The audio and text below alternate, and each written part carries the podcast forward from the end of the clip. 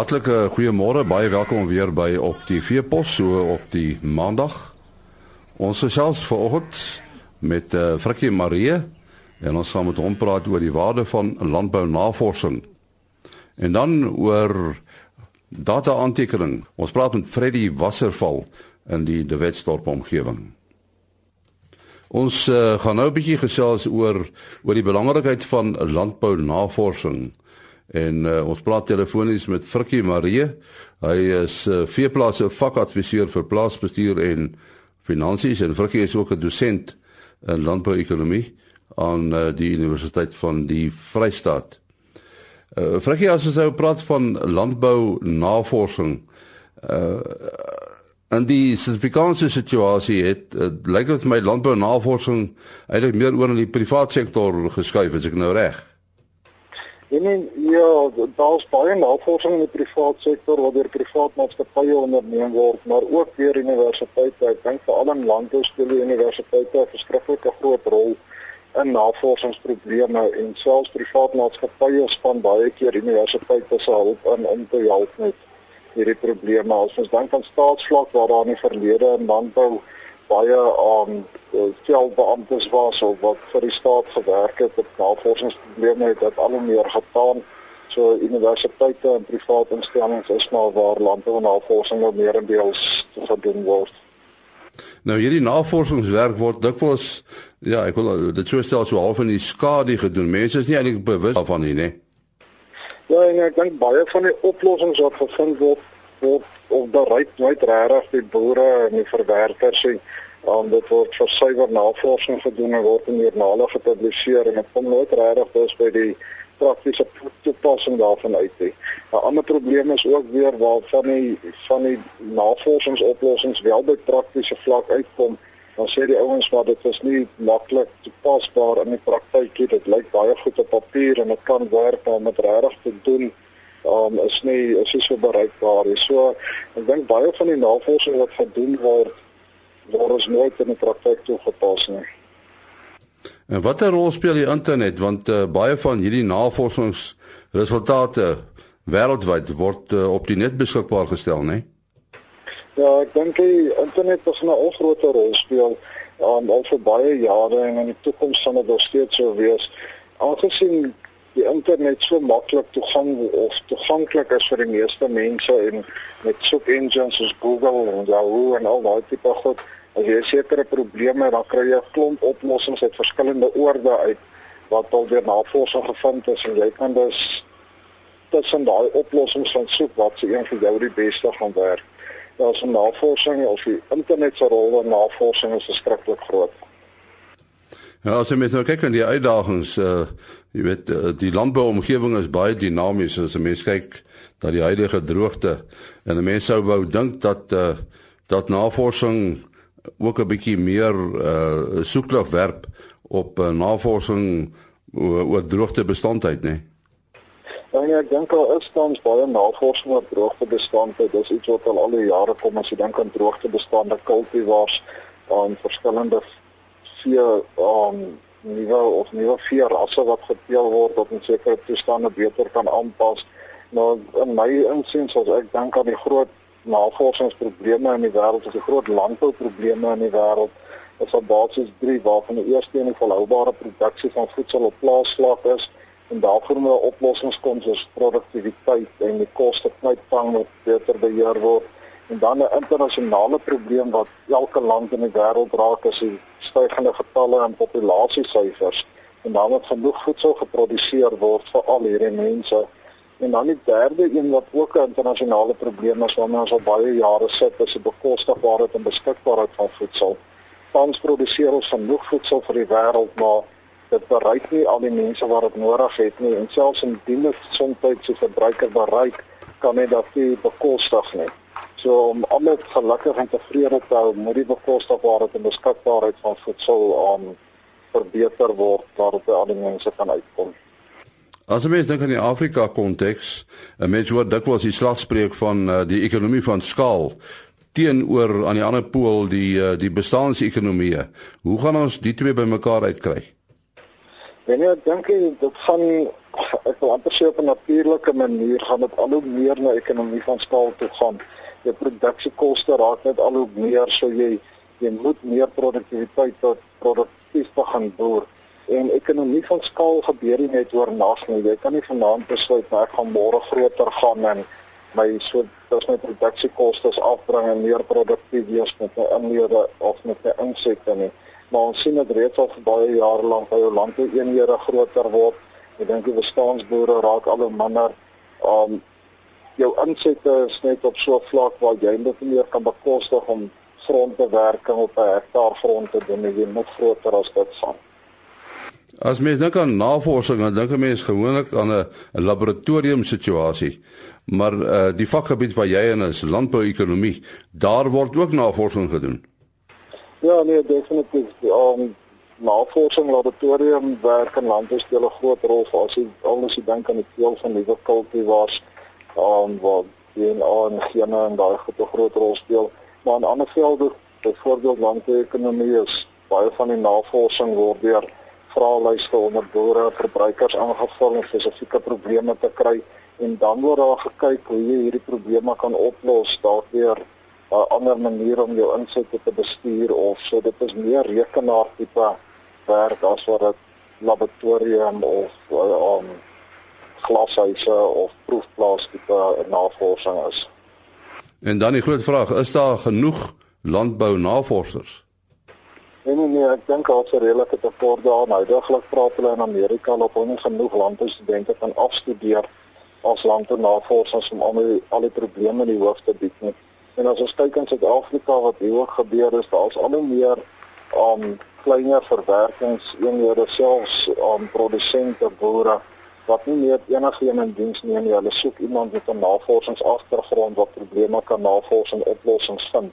So ek dink die landbou navorsers gaan 'n al hoe groter rol speel aangesien die probleme in landbou, ek wil nie sê meer raak nie, maar al hoe meer nuwe uitdagings bied waarvoor met oplossings kom en jy moet 'n jy moet 'n bietjie van 'n navorsingsagtergrond hê om die proses te verstaan hoe jy die oplossings vir probleme gaan vind. En jy sê die universiteite doen baie navorsing ook die private sektor. Nou die private sektor se navorsing is waarskynlik winsgedrewe terwyl die universiteite waarskynlik oorhoofs uh meer navorsing gedrewe is, is reg. Dit is hierdie maar selfs in die private sektor waar dit winsgedrewe is, bly dit maar steeds navorsingsgedrewe. Ek dink in die private sektor as jy byvoorbeeld aan 'n saadmaatskappy dink, daai nuwe kultivar wat hy ontwikkel is om wins te maak op die ou en met die nuwe kultivar, maar die nuwe kultivar word ook ontwikkel as gevolg van 'n sekere probleem 'n droogte bestaande kultivar of 'n kultivar wat aan um, hoër opbrengs gee.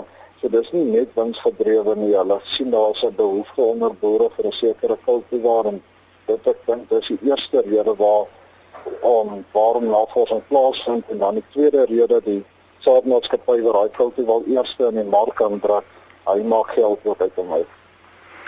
Ek dink wat mense afskrik van navorsing, landbounavorsing, is dat uh, ons leef in 'n omgewing van kits oplossings. En navorsing ken nie kits oplossings nie.